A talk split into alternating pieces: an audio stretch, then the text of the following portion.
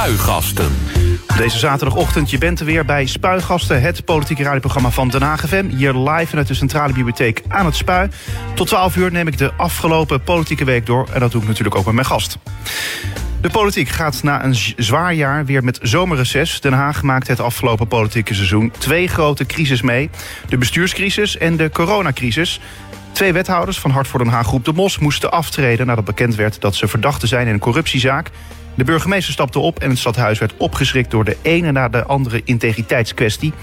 Tijd om alles rustig op de rails te krijgen was er niet, want daar volgde al de coronacrisis. In heel Nederland natuurlijk bekend en over de hele wereld. Hoe hebben de Haagse Raad en het college beide crisis gemanaged en wat zijn de lessons learned? In de laatste aflevering van Spuigasten voor de zomerstop is de Haagse oud-wethouder en politiek strateeg Frits Hoefnagel van de VVD te gast. Goedemorgen. Goedemorgen, Ivar. Fijn dat je er bent. Uh, Dank je. En nog gefeliciteerd, moet ik zeggen. Ja, dat was ook deze week. Precies. Ja, ja, ja ik ben voor de derde keer 50 geworden. Het was uh, bijzonder. Ik, ik wou wel zeggen, je bent net, uh, net 40, toch? Uh... Nee, nee, nee. Ik was twee jaar geleden al 50 geworden. Maar ik heb, ben het nu voor de derde keer. Kijk eens aan. Ja. hoe heb je het gevierd? Um, met vrienden. Uh, maar natuurlijk uh, ja, wat anders dan, uh, dan, dan gebruikelijk. Want ja, je moet blijven zitten. Je moet afstand houden. En je kan niet iedereen knuffelen. Dus ja, dat, dat, dat maakt het natuurlijk wel wat anders. Maar ik had wel zoiets zo... Weet je, in juni dacht ik nog van... Er wordt natuurlijk helemaal niks dit jaar. En toen dacht ik van ja, nee, ik moet toch wel iets doen. Er gaat er zoveel niet door... Dat laten we nou in ieder geval, laten we nou in ieder geval mijn verjaardag wel vieren. Dus het feestje van Frits Hoefnagel ging wel, ging wel door. Uh, nou ja, dat heb je gevierd in Amsterdam, niet in Den Haag helaas. Ja, klopt. Waarom? Nou, ik woon tegenwoordig in Amsterdam, hè? Ja, dat weet ik. Maar ja, Den Haag, daar komen toch ook heel veel van je vrienden vandaan? Ja, zeker weten. En ik heb het natuurlijk jarenlang op de Dennenweg uh, uh, gevierd, hè, bij Café de Landman, bij Dennis. Dus, uh, maar ja, goed, dat zat er nu even niet in. Nee. Um, en, en ja, je, je, viert nu wel een feestje. Hoe ziet het leven van Frits Hoefnagel er verder uit? Nou, ik zou, zou je eerlijk bekennen dat ik vond het eerste half jaar vond ik helemaal... Noem daar eens een uh, net woord voor. Ik vond het niet zo fijn. Nee, minder prettig. ja, nee, het is. Ik weet je, dat, dat die lockdown. En dan hadden wij gelukkig nog een intelligente lockdown. Uh, maar dat is natuurlijk helemaal niks voor mij. Ik wil gewoon uh, gezellig mensen zien. En, en ik ben een sociaal dier. En ik wil naar de kroeg. En ik wil naar het theater. En ik wil naar een restaurant. En een terras. En, ja, dat was natuurlijk buitengewoon beperkt. Dus, uh, dus nee, ik vond eigenlijk niks aan. Dus je had eigenlijk een soort coronadip? Ja, en toen raakte ik ook nog geblesseerd. Waardoor ik uh, een, een, uh, in mijn linker onderbeen een spier scheurde. Dus ik was ook nog gekluisterd aan huis en aan de bank. Nou ja, als optimist uh, kan je dan zeggen van... nou ja, als dat dan toch gebeurt... dan maar op het moment dat toch niemand buiten is door de corona... Maar uh, nee, ja, ik heb vierkante ogen van de Netflix. En, en, en, qua werk, want je hebt een communicatiebedrijf. Ja. Nou, nou zal daar misschien ook wel invloed op, invloed op zijn. Ja, nou ja, ik ben vorig jaar uh, met mijn compagnon op 1 januari Castro Communicatie begonnen. En um, dus dat, dat was een heel jong bedrijf. en toen die corona dus uitbrak, hadden we wel zoiets van: oh, en nu? Alle steunmaatregelen waren ook niet op ons van toepassing. Want uh, je omzet moest lager zijn dan het jaar daarvoor. Nou, dat was gelukkig niet zo, want dat zou die best zijn geweest voor een net startend bedrijf. Ja. Uh, uh, een vergoeding voor uh, mensen die je in dienst hebt. Nou, dat ging bij ons ook niet op, want Jolien die was tekort in dienst. En nou ja, we hebben maar tegen alle stroming in hebben we Joni gewoon op 1 juni aangenomen. Dus we zijn in ieder geval wel klaar voor na corona. Precies. En, en sta, merk je daar al iets van? Van dat, dat de economie misschien toch weer een klein beetje aantrekt? Ja, nou ja, je merkt vooral. Kijk, we de meeste van onze klanten werken we voor langere termijn uh, voor. Dus dat loopt wel door. Alleen ja, voor sommigen kon je wat minder doen dan, dan dat je wel zou willen. Uh, er waren een paar waarvoor we juist meer konden doen dan dat we gebruikelijk deden. Dus dat hief elkaar wel een beetje op. Maar waar wij vooral merken is uh, nieuwe klanten. Het duurt, hè, het duurt veel langer voordat een beslissing wordt genomen. Veel beslissingen worden vooruit geschoven. Nou ja, wij uh, zitten op het terrein van communicatie, uh, van lobby, van city marketing. En ja, dat zijn we nu. Dat, daar zijn we veel van de dingen die. Nou, ik noem maar wat. Een, we gaan een masterclass city marketing organiseren. dat is eind oktober. Uh, ja, dat heeft niet zoveel zin om dat in juni te organiseren... op het moment dat iedereen alleen maar met corona bezig is. Dus dat hebben we nu naar achter geschoven. Um, en dat, is, dat wordt trouwens heel erg uh, leuk. Niet alleen voorbeelden uit Den Haag en uit uh, Amsterdam... maar ook uit Leeuwarden, Eindhoven, Leiden, mijn geboortestad. Dus, de, dus dat, dat wordt heel erg leuk. Maar ja, dan zie je dus ook van ja, wij schuiven dan ook door naar achter. Want ja, uh, wachten totdat het weer wat normaler uh, wordt. Ja, precies. Uh, en mis je de politiek dan eigenlijk niet? Want je zit nu helemaal in het communicatiewezen eigenlijk. Nou, Kraagt het niet aan je? Echt, uh, echt missen doe ik het niet. Maar dat komt ook omdat ik het natuurlijk wel allemaal bijhoud. En uh, ooit zei iemand van ja, politiek is ook een soort van virus. Als je dat één keer onder je huid hebt, dan, dan, dan blijft dat daar uh, zitten. Zelfs al ben je er jaren uit. Uh, het is inmiddels uh, tien jaar geleden dat ik uh, wethouder was. En negen jaar geleden dat ik de gemeenteraad uitging. Dus um, ik kan prima leven zonder dat ik in een gemeenteraad zit... of zonder dat ik wethouder ben. Maar ik houd natuurlijk wel bij. En jij somde net al eventjes op van wat er het afgelopen jaar allemaal is gebeurd in Den Haag. Nou, uh, je, je, moet wel onder een steen hebben geleefd, wil je dat hebben gemist. Dus ja, he, dus daar, daar, heb ik natuurlijk ook wel een mening over. En dat hou ik natuurlijk wel bij. Dat komt mooi uit. Daar gaan we het nu over hebben. We gaan nu naar uh, het weekoverzicht. Wat is er deze week gebeurd? Het politieke weekoverzicht. En dan beginnen we bij de eerste dag. En dat is uh, deze dag. Maandag 13 juli. Premier Rutte zou, als hij de keuze nu zou moeten maken, door willen als lijsttrekker van de VVD en als premier. Dat zei hij in de talkshow op 1, waarin uitvoerig werd teruggeblikt op de grote eh, kwesties van de afgelopen tijd. U vindt het allemaal best leuk eigenlijk, hè? dit werkt toch of niet? Ik heb het, uh, ja, weet je, dit zijn zware maanden. Maar we zeiden het voor de uitzending al even. Het is ook heel eervol om nu zoiets gebeurt. Ik heb het virus niet zelf bedacht. Uh, maar wel te mogen helpen om het een goede baan te leiden is, is heel bijzonder. Ja. Wilt u het blijven doen eigenlijk? Als ik het nu zou moeten beslissen, ja, zou ik dat doen. Ja, uh, waarom zou u het nu niet beslissen? Ja, omdat ik vind dat je ook even mag nadenken. Uh, als je zo'n besluit neemt, dan zou dat weer voor vijf jaar zijn. Hè? Dan neem ik dat ergens in het najaar in beslissing. Nou, dat loopt dan zo door tot najaar. Uh, als het hele kabinet de hele rit uitzit met de formatie 2025, ben je vijf jaar verder. Dus een besluit voor hoe je vijf jaar je leven verder inricht, ja. mag je iets langer bij stilstaan dan als een soort Christophe de Labrador naar de ja-vraag, uh, naar het ja-antwoord rennen. Wat zijn daarin de belangrijkste afwegingen bij dat nadenken? Ja, maar ik, eigenlijk precies wat ik net in die clip zag aan het begin. Ja? Precies die vragen. Ja. Uh, heb ik de ideeën, de energie, et cetera. En, en, en op dit moment, ja. Maar ik wil van de zomer, en, en misschien heb ik er iets meer tijd voor, heb ik al eerder gezegd. Omdat ik ook even deze zomer nog bezig ben. Nu duurt het sowieso nog weer een week langer door de Europese Raad vrijdag. Dus de vakantie begint veel later. En als we ook nog weer naweeën hebben. En misschien komt er nog een Europese Raad uh, eind juli. Mm-hmm. Dus die zomer gaat toch een beetje verbrokkelen. Uh, maar los daarvan wil ik ook wel even gewoon helemaal afschakelen. Als dat nog ergens lukt, één of twee weken. Um, dus ik neem misschien iets meer tijd. Maar daar even gewoon fundamenteel bij stilstaan kan natuurlijk geen kwaad. Ja, je hoort uh, Frits Hoefnagel, je hoort Mark Rutte zeggen van uh, je moet er even over nadenken. Snap jij waarom hij nou even over na moet denken? Want, en waarom hij niet als een kwispel, kwispelende labrador, labrador ja, zegt, ja. ja, zegt? Ja, dat snap ik heel goed. En ik geef hem daar ook uh, groot gelijk in. in eerste instantie was natuurlijk eigenlijk een beetje het idee van dat hij dan deze zomer zou besluiten of hij wel of niet door zou gaan. Nou ja, er is nogal wat gebeurd. Uh, die hele coronacrisis die er is uh, gekomen, waar hij natuurlijk toch het hardst heeft gewerkt van iedereen. het hele kabinet heeft hard gewerkt natuurlijk, maar de premier is natuurlijk dan toch wel de nummer één en de eerste die wordt aangesproken en de meest verantwoordelijke, zal ik maar zeggen, ook voor het, voor het beleid van hoe gaan we het allemaal bestrijden.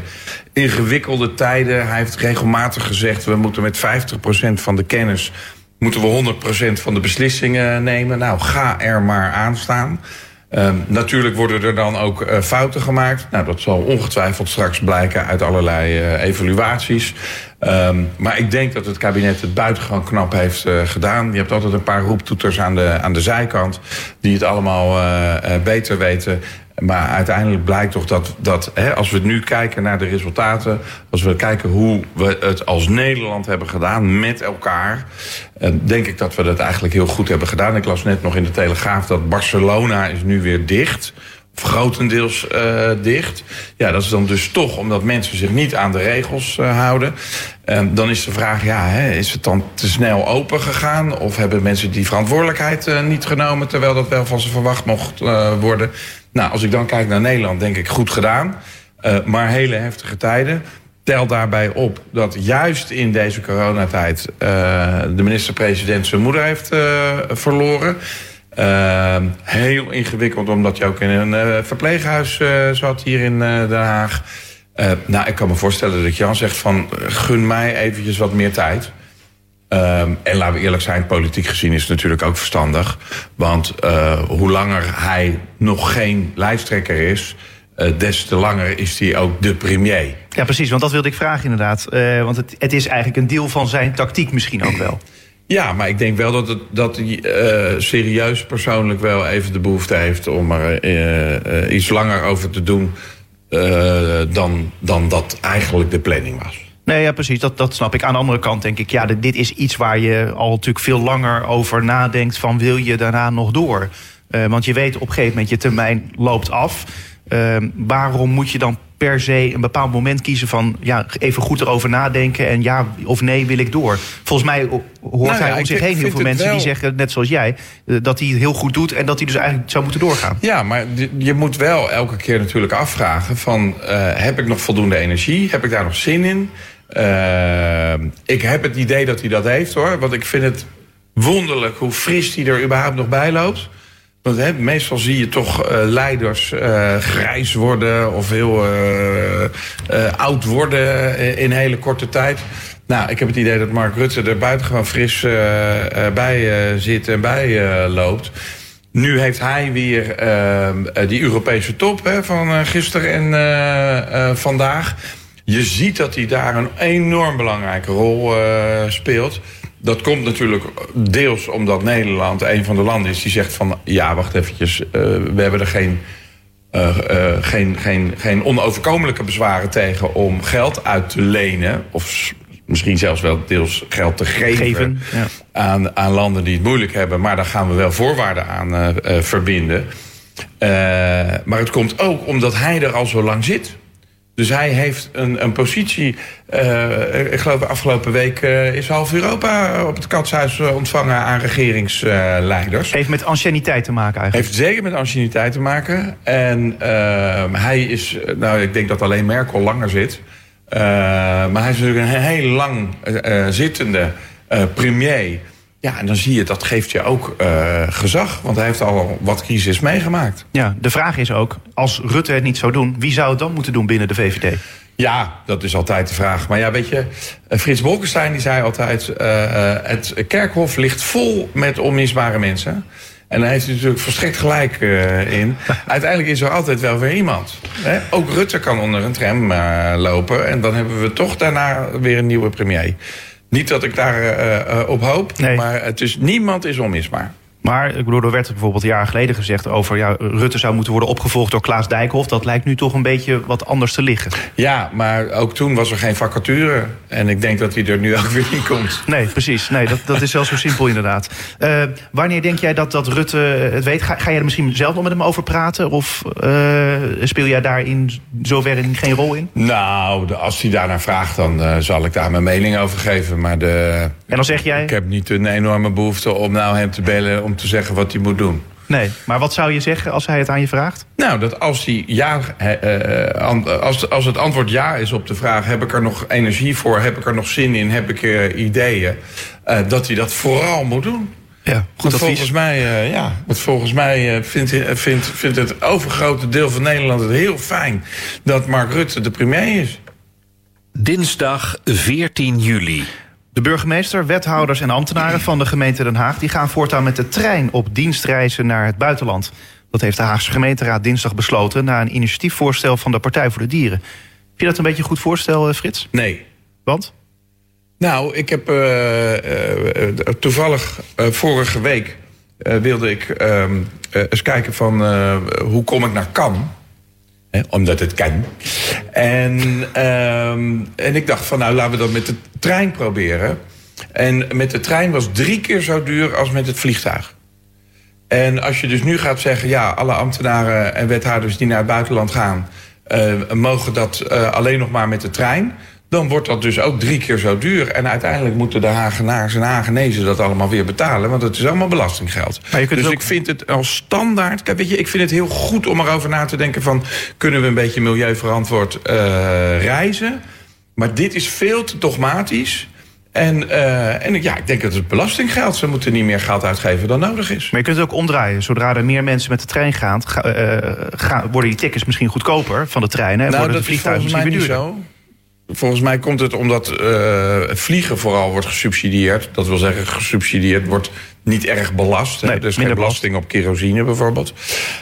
maar goed, dat bepaal je als gemeenteraad van Den Haag niet. En je bepaalt wel de uitgaven die je doet. Dus ik vind dit veel te rigoureus. Maar je kunt ook zeggen van inderdaad, nou ja, dan wacht je maar op het moment dat bijvoorbeeld de Tweede Kamer zoiets besluit of het kabinet. Ja, kan je lang uh, wachten. Nou ja, goed, ja, het zou op termijn misschien wel een keer eraan gaan komen. Ja, maar dat kan je dus als gemeenteraad van Den Haag niet afdwingen. En nogmaals, ik vind het heel erg goed om te kijken van... Uh, kunnen we uh, op een schonere manier reizen? Maar rigoureus zeggen, uh, naar het buitenland moet met de trein... Dat is echt cool. Maar misschien dat ze dan wel zeggen: van nou, dan is het, duurt het misschien drie keer zo lang. Dus gaan we niet. Dus gaan we gewoon via een videocall met elkaar uh, spreken. Dat kan ook juist een andere. Dat zien we nu juist in coronatijd. Kan dat allemaal, misschien... maar vind ik niet. Ik vind het heel goed dat uh, ambtenaren en wethouders uh, ook in het buitenland kijken ter plekke hoe dingen gaan. Uh, heb ik zelf ook uh, gedaan. Is buitengewoon inspirerend. Het is ook heel erg leuk om mensen uit het buitenland in Den Haag te ontvangen... en te vertellen hoe wij dat allemaal doen als internationale stad van vrede en recht. Uh, dus dat is heel erg goed, daar kan je van leren. Dat leer je niet door achter je bureau te blijven zitten... en een Zoom-call te doen. Maar ik vind het echt onzin als dat meer geld kost dan nodig. Woensdag 15 juli. Hugo de Jonge is de nieuwe leider van het CDA. Hij kreeg met 50,7% net de benodigde meerderheid van de CDA-leden achter zich. De Jonge versloeg daarmee Pieter Omzicht, die 49,3% van de stemmen kreeg. In de officiële uitslag is het verschil tussen de twee 258 stemmen. Laten we even luisteren. Lieve mensen, wat geweldig om hier zo met jullie samen te zijn. Voor de tweede keer zo samen te zijn. En wat een ongelooflijk spannende strijd was het. En wat een ongelooflijke spannende uitslag is het. Echt zo dicht bij elkaar. En daarmee hebben de leden laten zien hoe groot hun waardering is voor beide kandidaten. Maar daarmee, Pieter, hebben de leden laten zien hoe groot hun waardering is voor jou. De leden houden gewoon van je, Pieter. En niet alleen onze leden houden van je. Ongelooflijk veel mensen van buiten de partij hebben hebben een enorm vertrouwen in wat jij voor ze betekent en wat jij voor ze doet. Jij laat zien dat politiek iets is van naast de zorgen van gewone mensen gaan staan. Dat politiek iets is van opkomen voor mensen. Eh, dat de rechtsstaat voor iedereen moet werken. En dat een overheid die het vertrouwen waard is, dat vertrouwen eerst moet verdienen. En zo bedrijf jij politiek. En dat is een politiek die zo ongelooflijk veel mensen aanspreekt. Ja, je hebt uh, hier gehoord, uh, Frits Hoefnagel, je uh, Hugo de Jonge... dan eigenlijk Pieter Omzicht een beetje toespreken, wat lovende woorden over hem. Je bent zelf geen CDA, voor zover ik weet. maar je bent wel politiek strateeg. Hoe kijk jij dan naar die strijd tussen deze twee mannen? Nou, dit was een hele verrassende strijd natuurlijk. Hè? Want uh, ten eerste uh, hadden we uh, Pieter helemaal niet verwacht als kandidaat. We hadden Wopke verwacht als kandidaat. Die nog voordat de strijd begonnen was, had hij zich al teruggetrokken. Mona Keizer, daarvan was de verwachting natuurlijk wel dat ze ook mee zou doen. Omdat ze de vorige keer ook al mee had gedaan en de nummer twee was op de lijst. Um, en dan hadden we nog die meneer uit Limburg. Uh, die, Van Helvert. Die drie dagen mee ja. heeft gedaan. En toen uh, 0% had in de peilingen en zich weer terugtrok. Uh, um, en uiteindelijk was de finale inderdaad tussen de jongen en omzicht. En ik denk dat wat Hugo de Jonge hier zegt, dat dat klopt. Dat veel mensen hebben gestemd op omzicht ook om hun waarderingen uit te spreken voor de manier waarop hij invulling geeft aan het Tweede Kamerlidmaatschap. Uh, Um, En dat dat zo uh, spannend uh, werd, dat zal voor de jongen niet echt heel erg prettig zijn uh, geweest. Want je hoopt natuurlijk eigenlijk dat je met een hele ruime meerderheid wordt gekozen. Hè, dat je een enorm draagvlak hebt in, in je partij. Tegelijkertijd heb ik in heel wat kranten gelezen dat dat heel erg vervelend is voor de jongen, omdat hij dat draagvlak niet zou hebben. Dat geloof ik niet. Weet je, het is een wedstrijd. En bij een wedstrijd daar komt een winnaar uit. En als het goed is, ga je je dan achter de winnaar. Zo doen ze het in Amerika al decennia lang. En daar waar dat gebeurt, werkt het ook. Ja. Alleen, uh, het gaat niet altijd zo natuurlijk. Uh, we hebben binnen de VVD in de tijd gezien dat degene uh, die verloren had, de lijsttrekkersverkiezing, Rita Verdonk, dat die op plek 2 kwam achter Mark Rutte. En toen ging dus niet alleen de partij, maar ging ook het hele land mee uh, stemmen. Namelijk bij de Tweede Kamerverkiezingen. En Rita Verdonk haalde meer stemmen dan uh, Mark Rutte. Dat is uniek. In ja. de geschiedenis was dat nog nooit eerder gebeurd. De nummer twee die meer stemmen haalt dan uh, de nummer één. En daardoor uh, kwam weer de discussie. En, en uh, ging Rita Verdonk ook zeggen van... nou ja, ik vind dat er eigenlijk uh, invulling moet worden gegeven... dan aan deze uitslag. En eigenlijk eiste ze alsnog het partijleiderschap op. Dat was niet terecht, want die verkiezingen gingen over de Tweede Kamer... en niet over het partijleiderschap van de VVD. Ja. Maar die onrust krijg je wel. Ik heb begrepen dat ze in ieder geval overwegen... om Pieter Omzicht ook op twee te zetten. Ik zou zeggen, leer dan in ieder geval van de fouten van een ander... Uh, hij heeft die wedstrijd uh, verloren. Tuurlijk zet je hem in de top 10. Hè? Je kan hem ook op 5 zetten of op 8 of uh, weet ik veel wat. Maar op 2, dan, dan, dan nodig je bijna kiezers uit om zich uit te spreken. Nog een keer over wil je de jongen of wil je omzicht. Maar dan niet alleen met de CDA-leden, maar met alle kiezers in het land. Maar ik heb wel het idee dat misschien, ja, het is het momenten misschien, uh, dat er toch wel een verschil is tussen uh, die casus van de VVD en van het CDA. Dat uh, ik heb niet het gevoel dat er heel veel onrust is binnen, binnen het CDA en ook niet zozeer binnen het, in het land over dat omzicht nu dan net tweede is geworden. Hij heeft zich als een goed verliezer heeft Nou ja. zich opgesteld. Ja, maar je weet nooit precies wat er gaat gebeuren. Hè. De jongen heeft natuurlijk een zware portefeuille ook. Heeft ook flink moeten uh, werken tijdens de, de coronacrisis en nu nog. Um, en ja, weet je, daar zullen vast ook fouten zijn gemaakt. Je weet ook niet hoe groot die fouten zijn. Dat, gedoe met die app is natuurlijk wel iets wat aan hem kleeft. en als hij daar een beetje beschadigd in raakt... dan, dan zou zomaar de situatie kunnen ontstaan dat mensen en zeker in het land, dus niet de CDA'ers, maar gewoon mensen die, die CDA uh, stemmen, dat die zeggen van nou ja, ik ga toch mijn steun aan omzicht uh, geven. En ik zou zeggen, het is veel verstandiger om als partij te zeggen, dit is onze winnaar. Iedereen schaart zich uh, erachter. En degene die nummer twee is geworden, die plaatsen we eventjes iets lager. Oké, en je zou niet zeggen van Pieter Omzicht zetten we dan maar gewoon als eerste op de lijst. Dat kan ook nog, toch? Nou, nee, dat kan niet, want die heeft net die lijsttrekkersverkiezing ja, verloren. Maar dat zou Hugo de Jonge toch kunnen zeggen... ik neem afstand van die lijsttrekkerplek. Uh, en nou, dan, maar dat zou heel erg zijn. Want dan, dan heb Bovendien je... is die volgens mij uh, uh, behoorlijk ambitieus. En hij wilde al heel graag lijsttrekker worden. En hij had vast lijsttrekker willen worden met een iets uh, meer afgetekende uitslag. Maar nogmaals, uiteindelijk maakt dat niet uit. Je hebt een wedstrijd en er komt één winnaar uit en dat is Hugo de Jong. Ja, en je zegt dus uiteindelijk, uh, Pieter Omtzigt zou iets lager op die lijst moeten staan dan nummer twee. Zou ik doen als ik voorzitter van het CDA was geweest. Dat ben ik niet en dat ga ik ook nooit worden. Dus het is een gratis advies vanuit Castro Communicatie aan het CDA. Donderdag 16 juli.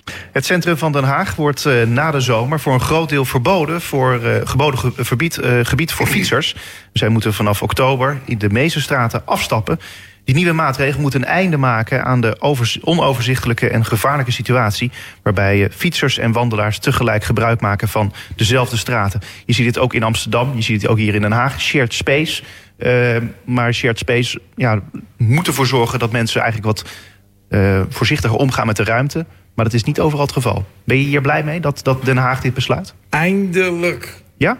Nou, het is meer dan tien jaar geleden dat ik als uh, wethouder uh, van de binnenstad heb gezegd: haal de fietser uit de grote marktstraat.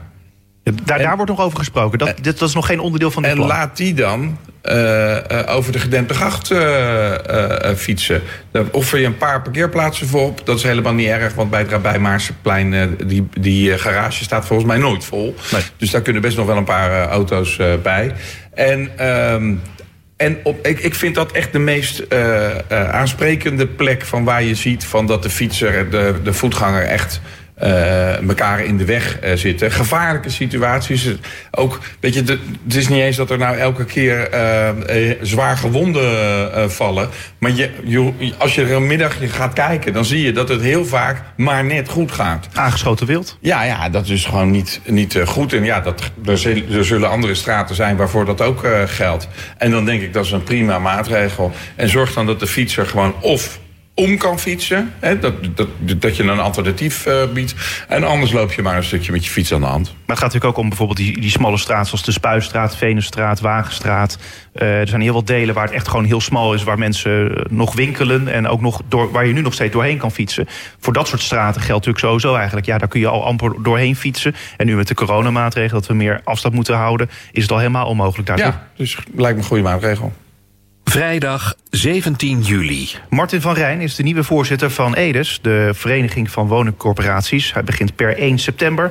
Van Rijn was de afgelopen maanden minister voor Medische Zorg en Sport. Premier Rutte vroeg hem om Bruno Bruins op te volgen nadat hij zijn functie had neergelegd vanwege oververmoeidheid.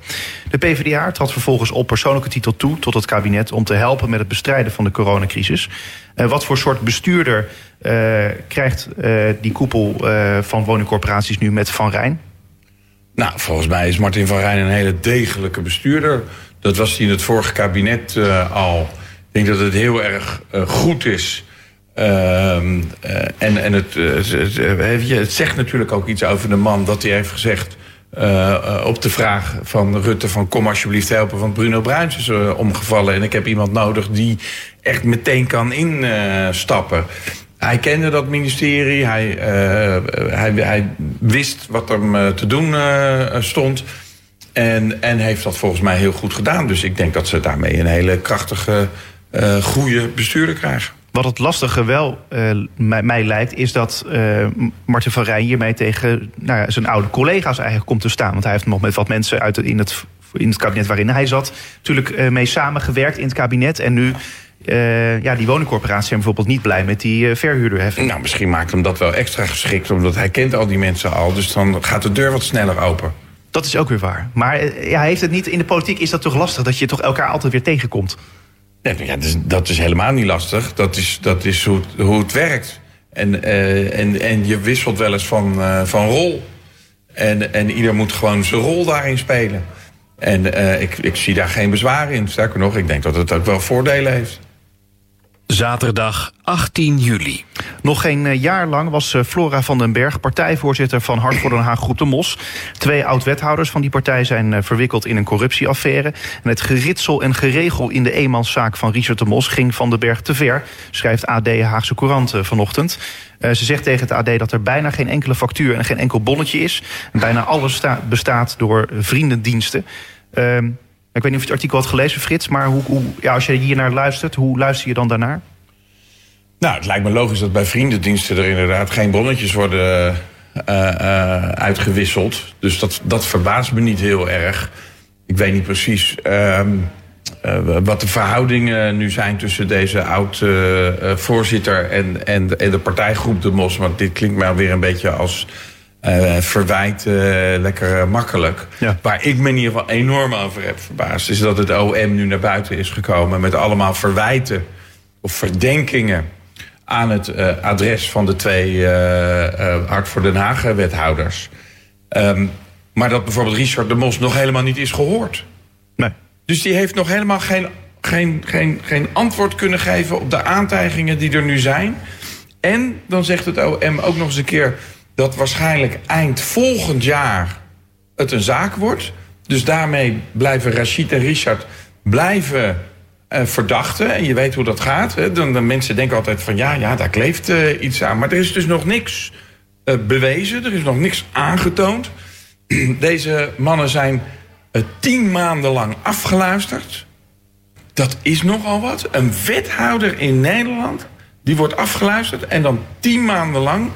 En nu zijn we, wat is het, weer acht maanden verder. En, en ze zijn nog steeds niet gehoord. Nou, of dat OM heeft dan helemaal niet van die sterke bewijzen. Want anders zouden ze die zaak toch veel uh, eerder kunnen oppakken. En als ze nou echt schandalige dingen uh, hebben gedaan, dan is het toch raar dat ze nu nog vrij uh, rondlopen en bijvoorbeeld niet beboet zijn. Dus ik vind het een hele rare gang van zaken. Ik vind ook nog eens een keer dat tegen die tijd, eind volgend jaar, zitten we weer vlak voor gemeenteraadsverkiezingen. Houdt het OM daar dan geen rekening mee? Of houden ze daar juist rekening mee? Dan is het helemaal dubieus. Maar ik vind de manier waarop dit nu gaat en hoe deze twee uh, worden behandeld... ik vind dat echt een schande voor de, voor de politiek. En het is ook een schande voor Den Haag. Groep, let wel, Groep de Mos, de grootste partij in Den Haag. Dus van alle partijen hebben de meeste Hagenaars daarop uh, gestemd. En daarna pas op de VVD en daarna pas op andere uh, partijen. Die zitten nu niet in het college. De, de, de Den Haag is van twee wethouders beroofd. Uh, en, en ze zitten nog steeds in de verdachte bank zonder dat ze gehoord zijn. Ja. Ik vind dat echt ik vind dat onvoorstelbaar.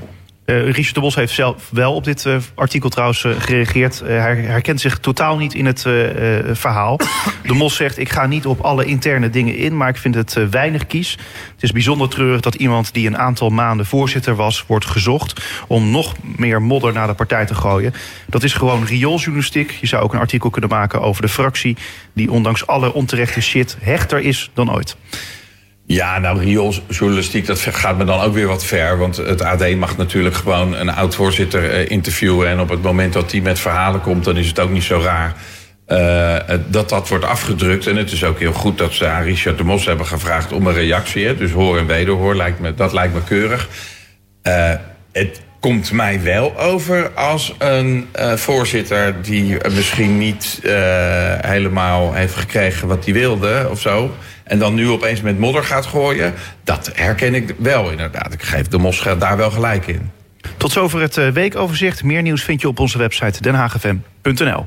Spuigasten. De politiek gaat na een zwaar jaar weer met zomerreces. Den Haag maakte het afgelopen politieke seizoen twee grote crisis mee. De bestuurscrisis en de coronacrisis. Twee wethouders van Hart voor Den Haag Groep de Mos moesten aftreden... nadat bekend werd dat ze verdachten zijn in een corruptiezaak. De burgemeester stapte op en het stadhuis werd opgeschrikt... door de ene na de andere integriteitskwestie. Tijd om alles even rustig op de rails te krijgen was er niet... Want daar volgde al de coronacrisis. Hoe hebben de Haagse Raad en het college beide crisis gemanaged... en wat zijn de lessons learned? De laatste aflevering van Spuigasten voor de zomerstop... is dus de Haagse wethouder, oud-wethouder en politiek strateeg Frits Hoefnagel van de VVD te gast. Uh, ja, Frits, op 1 oktober bleek dus dat die wethouders uh, en een raadslid van Groep de Mos... verdachten zijn in een corruptiezaak. Uh, hoe vind jij dat uh, de Haagse gemeenteraad daarmee om is gegaan? Nou, ik vond dat heel snel eigenlijk de conclusie werd getrokken dat ze dan ook maar weg moesten. Uh, ik denk dat ze uiteindelijk sowieso wel weg hadden gemoeten. Want ja, je ligt op een gegeven moment dan toch, uh, uh, onder vuur. Hè, dus er ligt natuurlijk wel een verdenking. maar ik vond dat wel heel snel mensen hun handen afhaalden van deze twee wethouders.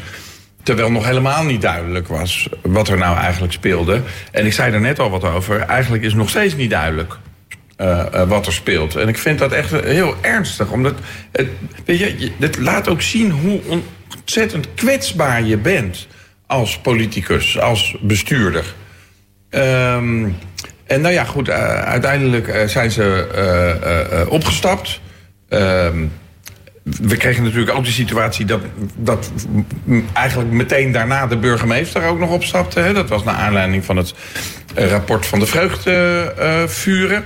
Dus uh, toen was Paulien Krikke uh, weg. Dus ja, dat was nogal een, een aderlating voor uh, het college. Chaos was het. En ehm, chaos kan je ook noemen. um, en ik denk dat, ehm, dat het ja, hoe is de gemeenteraad daarmee omgegaan? Ik vind dat, dat er heel makkelijk wordt gezegd. Een van de ergste spreekwoorden in Nederland is altijd: waar rook is, is vuur. Want op zich klopt dat wel. Waar rook is, is vaak vuur. Maar je moet je dan afvragen waarom. En ik heb ooit van Bram Peper, de oud-burgemeester van Rotterdam. En, oud-minister van Binnenlandse Zaken voor de Partij van de Arbeid. En die zei, ja Frits, waar rook is, is vuur. Maar het kan zijn dat dat vuur er is omdat er een pyromaan is langs geweest. En dan krijg je een hele andere uitleg of invulling van... ja, ja, er zal wel iets aan de hand zijn. Ja, er is zeker iets aan de hand, maar wat is de reden? Nou ja, uiteindelijk hebben we natuurlijk waarnemend burgemeester Remkes gehad. Volgens mij was dat wel de juiste man op de juiste plek de afgelopen tijd. want die heeft natuurlijk met vrij stevige hand... heeft hij de gemeenteraad erop gewezen dat ze toch grote verantwoordelijkheden hebben... dat ze een voorbeeldfunctie hebben ook... En uh, ik vind. Uh, en, en, daar heeft de gemeenteraad gelukkig ook wel naar geluisterd. Die, die zijn niet gaan rebelleren tegen Remkes. Nee. Dat is ook bijna niet te doen volgens mij. Maar de... Nee, precies.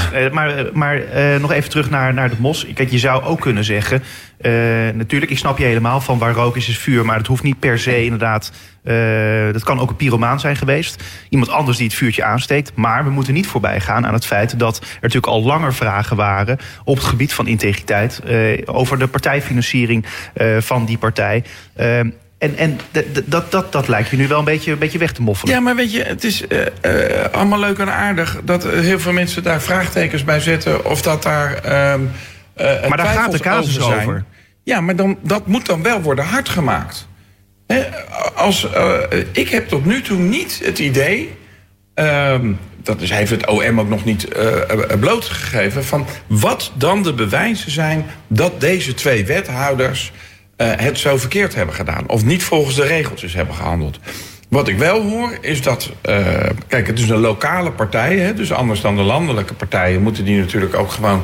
Die krijgen geen subsidie uh, van landelijk. Dus die moeten het geld gewoon ook lokaal ophalen. Nou, dan, die hebben een bepaalde, i, bepaalde ideeën met Den Haag. Dan zijn er ehm, ondernemers en die zeggen van die ideeën, daar ben ik voor dat een van de redenen waarom je ervoor kan zijn, is een eigen belang. Je zegt van nou, eh, ik heb een horecazaak en ik wil eh, verruimen, eh, verruiming van de openingstijden. Want dat is in mijn belang. Dus die gaan die partij steunen. Omdat die partij die ideeën heeft. Die partij die haalt heel veel stemmen. Die partij die komt in het college. Die partij weet in het collegeakkoord voor elkaar te krijgen... dat bijvoorbeeld die verruiming van openingstijden erin komt... Ehm, eh, of dat er meer zaken moeten zijn met een nachtvergunning. In het college wordt dat afgesproken. Daarna wordt de beslissing uh, genomen. Uh, uiteindelijk gaat daar een handtekening van de burgemeester onder. Nadat er natuurlijk allemaal ambtelijke adviezen zijn geweest. Dan denk ik, ja, daar is toch niet zoveel aan de hand. Als er dan wordt gezegd van ja, ehm, maar er zijn ondernemers geweest en die hebben die campagne uh, gesteund of gefinancierd. Ja, wat is daar mis mee? Waarom mag dat niet? Maar op het politieke vlak, jij zegt van ja, die andere partijen hebben heel snel afstand genomen van Hart voor Den Haag, Groep de Mos en van die wethouders. Uh, wat hadden ze dan moeten doen? Nou, ik, ik, uh, kijk, ik zei al, waarschijnlijk had dat uiteindelijk toch wel het resultaat geweest. Zo van ja, je staat onder verdenking, dus je kan niet langer wethouder blijven.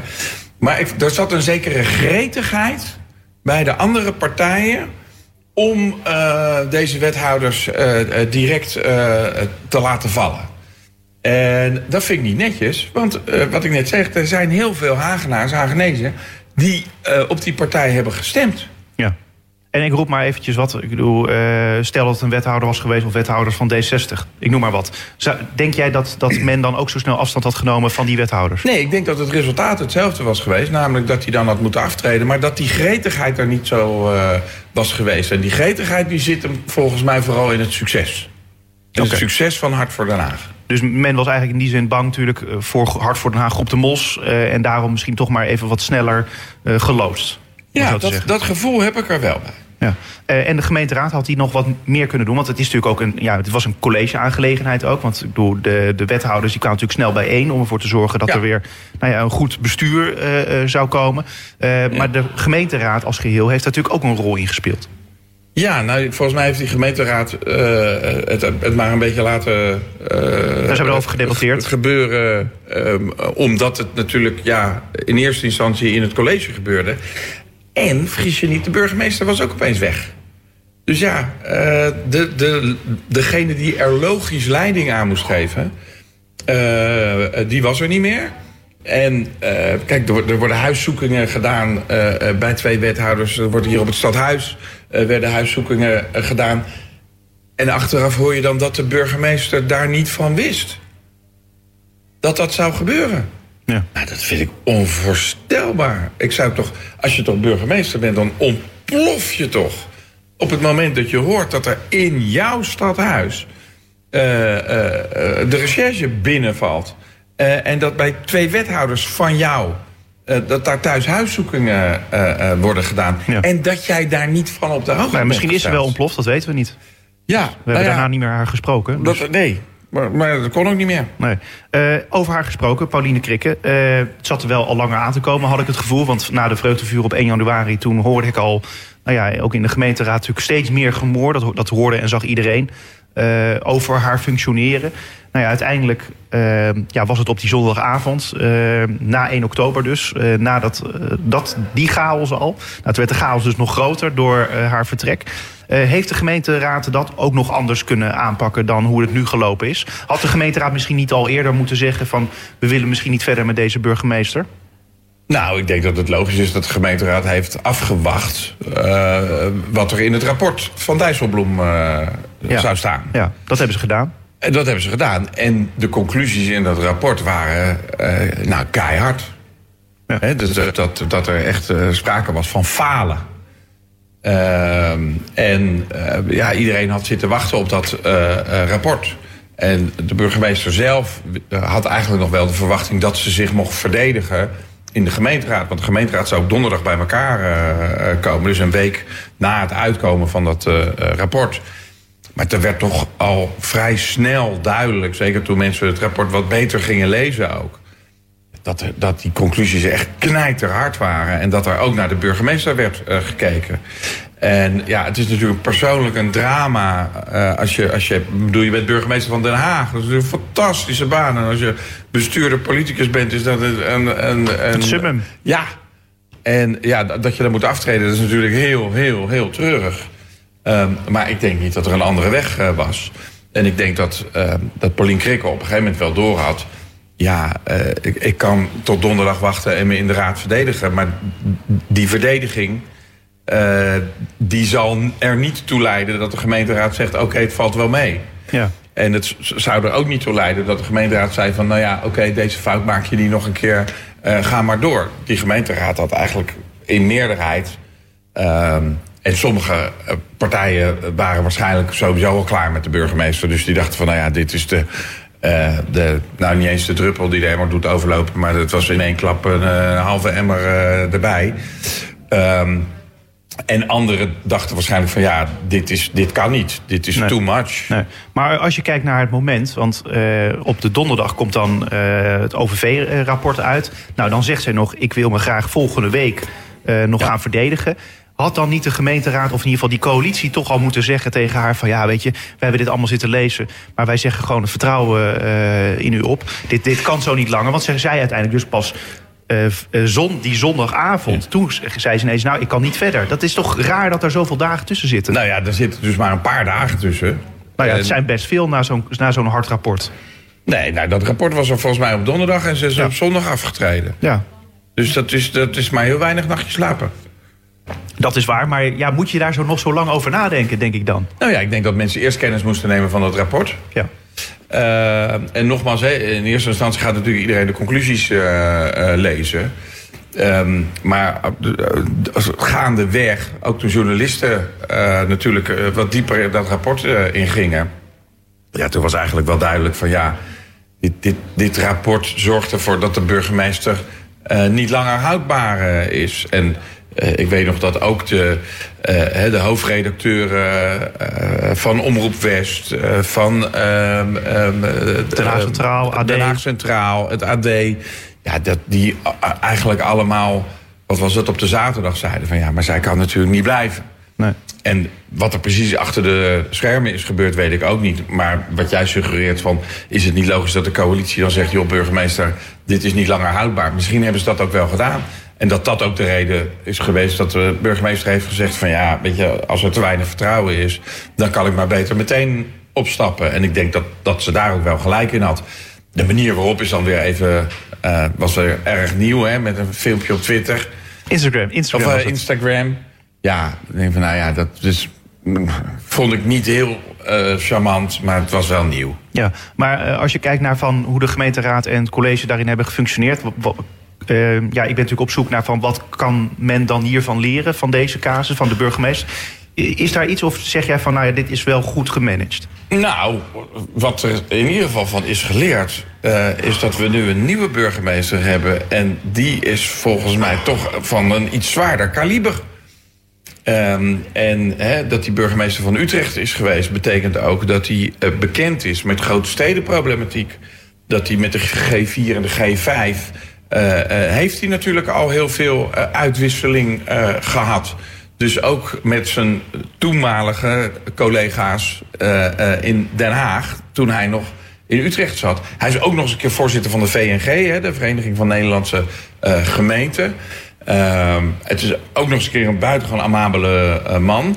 Maar ik denk dat het heel erg goed is om, om, om een ervaren iemand... Den Haag is wat dat betreft best een moeilijke stad om te besturen, ook als burgemeester...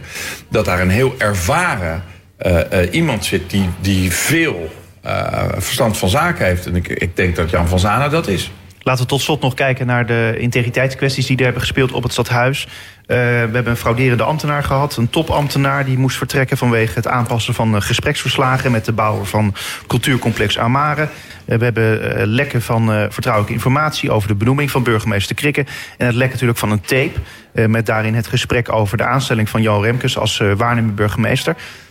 Uh, het is een hele hoop en het zijn heel veel uiteenlopende kwesties. Maar is er misschien een soort van lijn die jij hierin ziet en waar wij van kunnen leren? Nou ja, het is dus onvoorstelbaar uh, dat je als fractievoorzitter in een overleg zit met een commissaris van de Koning. Die gaat toelichten wat de procedure wordt voor het aannemen van een nieuwe uh, burgemeester. En, dat, uh, dat je daar, en daar zitten alleen maar fractievoorzitters bij en Jaap Smit als commissaris van de Koning. En dat dan daarna dat gesprek met nota bene ook uh, uh, geluid, geluidsopnames, dat dat naar buiten komt. Ja, dan, ben je, dan, dan, dan kan je dus blijkbaar niet alle fractievoorzitters vertrouwen ja. die in de gemeenteraad zitten. Nou, dat is natuurlijk heel slecht voor de politiek. En dat is heel slecht voor het aanzien van de gemeenteraad. Maar het is ook heel slecht voor Den Haag. Maar denk je dat ze ervan geleerd hebben? Nou, ik denk dat ze daar in ieder geval van geleerd hebben... dat iedereen die uh, in dat soort vertrouwelijke uh, bijeenkomsten uh, zit... dat er extra zal worden opgelet of niet iemand een opname maakt... En ik kan me ook voorstellen dat uh, iedereen voortaan uh, al zijn mobiele telefoons moet inleveren. Ja, maar dat is ook weer lastig bijvoorbeeld bij, rondom de benoeming van uh, burgemeester Jan van Zanen. Daar is natuurlijk niks over naar buiten gekomen. Maar het kan ooit, kan natuurlijk wel weer eens een keer iets over naar buiten komen. Hoe zorg je nou voor dat, dat, dat de mensen maar op het hart worden gedrukt? Dat is niet zo erg. Weet je, dat is niet zo erg. We hebben op een gegeven moment ook wel informatie gehoord... wie er in de vorige ronde allemaal hadden uh, gesolliciteerd. Ja. En dat dat niet alleen Paulien Krikke was, maar nee. ook Ronald Plasterk. En dat in die ronde Martin van Rijn, waar we het net over hadden... maar bijvoorbeeld ook een Bruno Bruins, dat die ook hadden gesolliciteerd. Dat krijg je nooit helemaal hard waarschijnlijk. Nee. Maar als je dan voldoende bronnen hebt als journalist... dan is het natuurlijk knap werk dat je dat uh, boven tafel krijgt. Dat vind ik allemaal niet zo uh, uh, heel erg. Maar dat het op het moment zelf, dat op het moment dat de procedure nog moet be, beginnen en het dus verstorend kan werken dat er dan iemand in die gemeenteraad zit, sterker nog een fractievoorzitter, uh, die blijkbaar gewoon niet te vertrouwen uh, is, dat is heel schadelijk. Ja. Uh, tot slot, als je terugkijkt op dit afgelopen politieke seizoen, wat is nou het belangrijkste? Wat zou je die. Ja, je bent communicatieadviseur. Wat voor advies zou je nou aan de gemeenteraad en aan het college geven tot slot? Nou, ik, het belangrijkste advies: wees, wees wat minder met elkaar bezig. En uh, wees met die stad bezig. Want die stad heeft een goed bestuur nodig. Dit is een fantastische stad. De internationale stad van vrede en recht. Uh, waar mensen graag wonen. Waar mensen moeten willen ondernemen. Een stad die mensen willen bezoeken. Sowieso nationaal, maar ook internationaal. nu het met de corona gelukkig de goede kant op gaat, of lijkt te gaan, zolang we ons een beetje aan die regels houden, is er ook weer meer mogelijk. En dan denk ik, kom op, niet zo navel zitten staren. De stad heeft je nodig. En ik denk ook dat als we dat niet doen, dat er dan uh, een enorme afstraffing komt. Niet volgend jaar, maar het jaar erop als er weer gemeenteraadsverkiezingen zijn. Want dat is iets wat de kiezers niet gaan vergeten. Frits Hoefnagel, dankjewel. En dit was Spuigasten voor deze week. Ik zou zeggen bedankt voor het luisteren en tot na de zomer.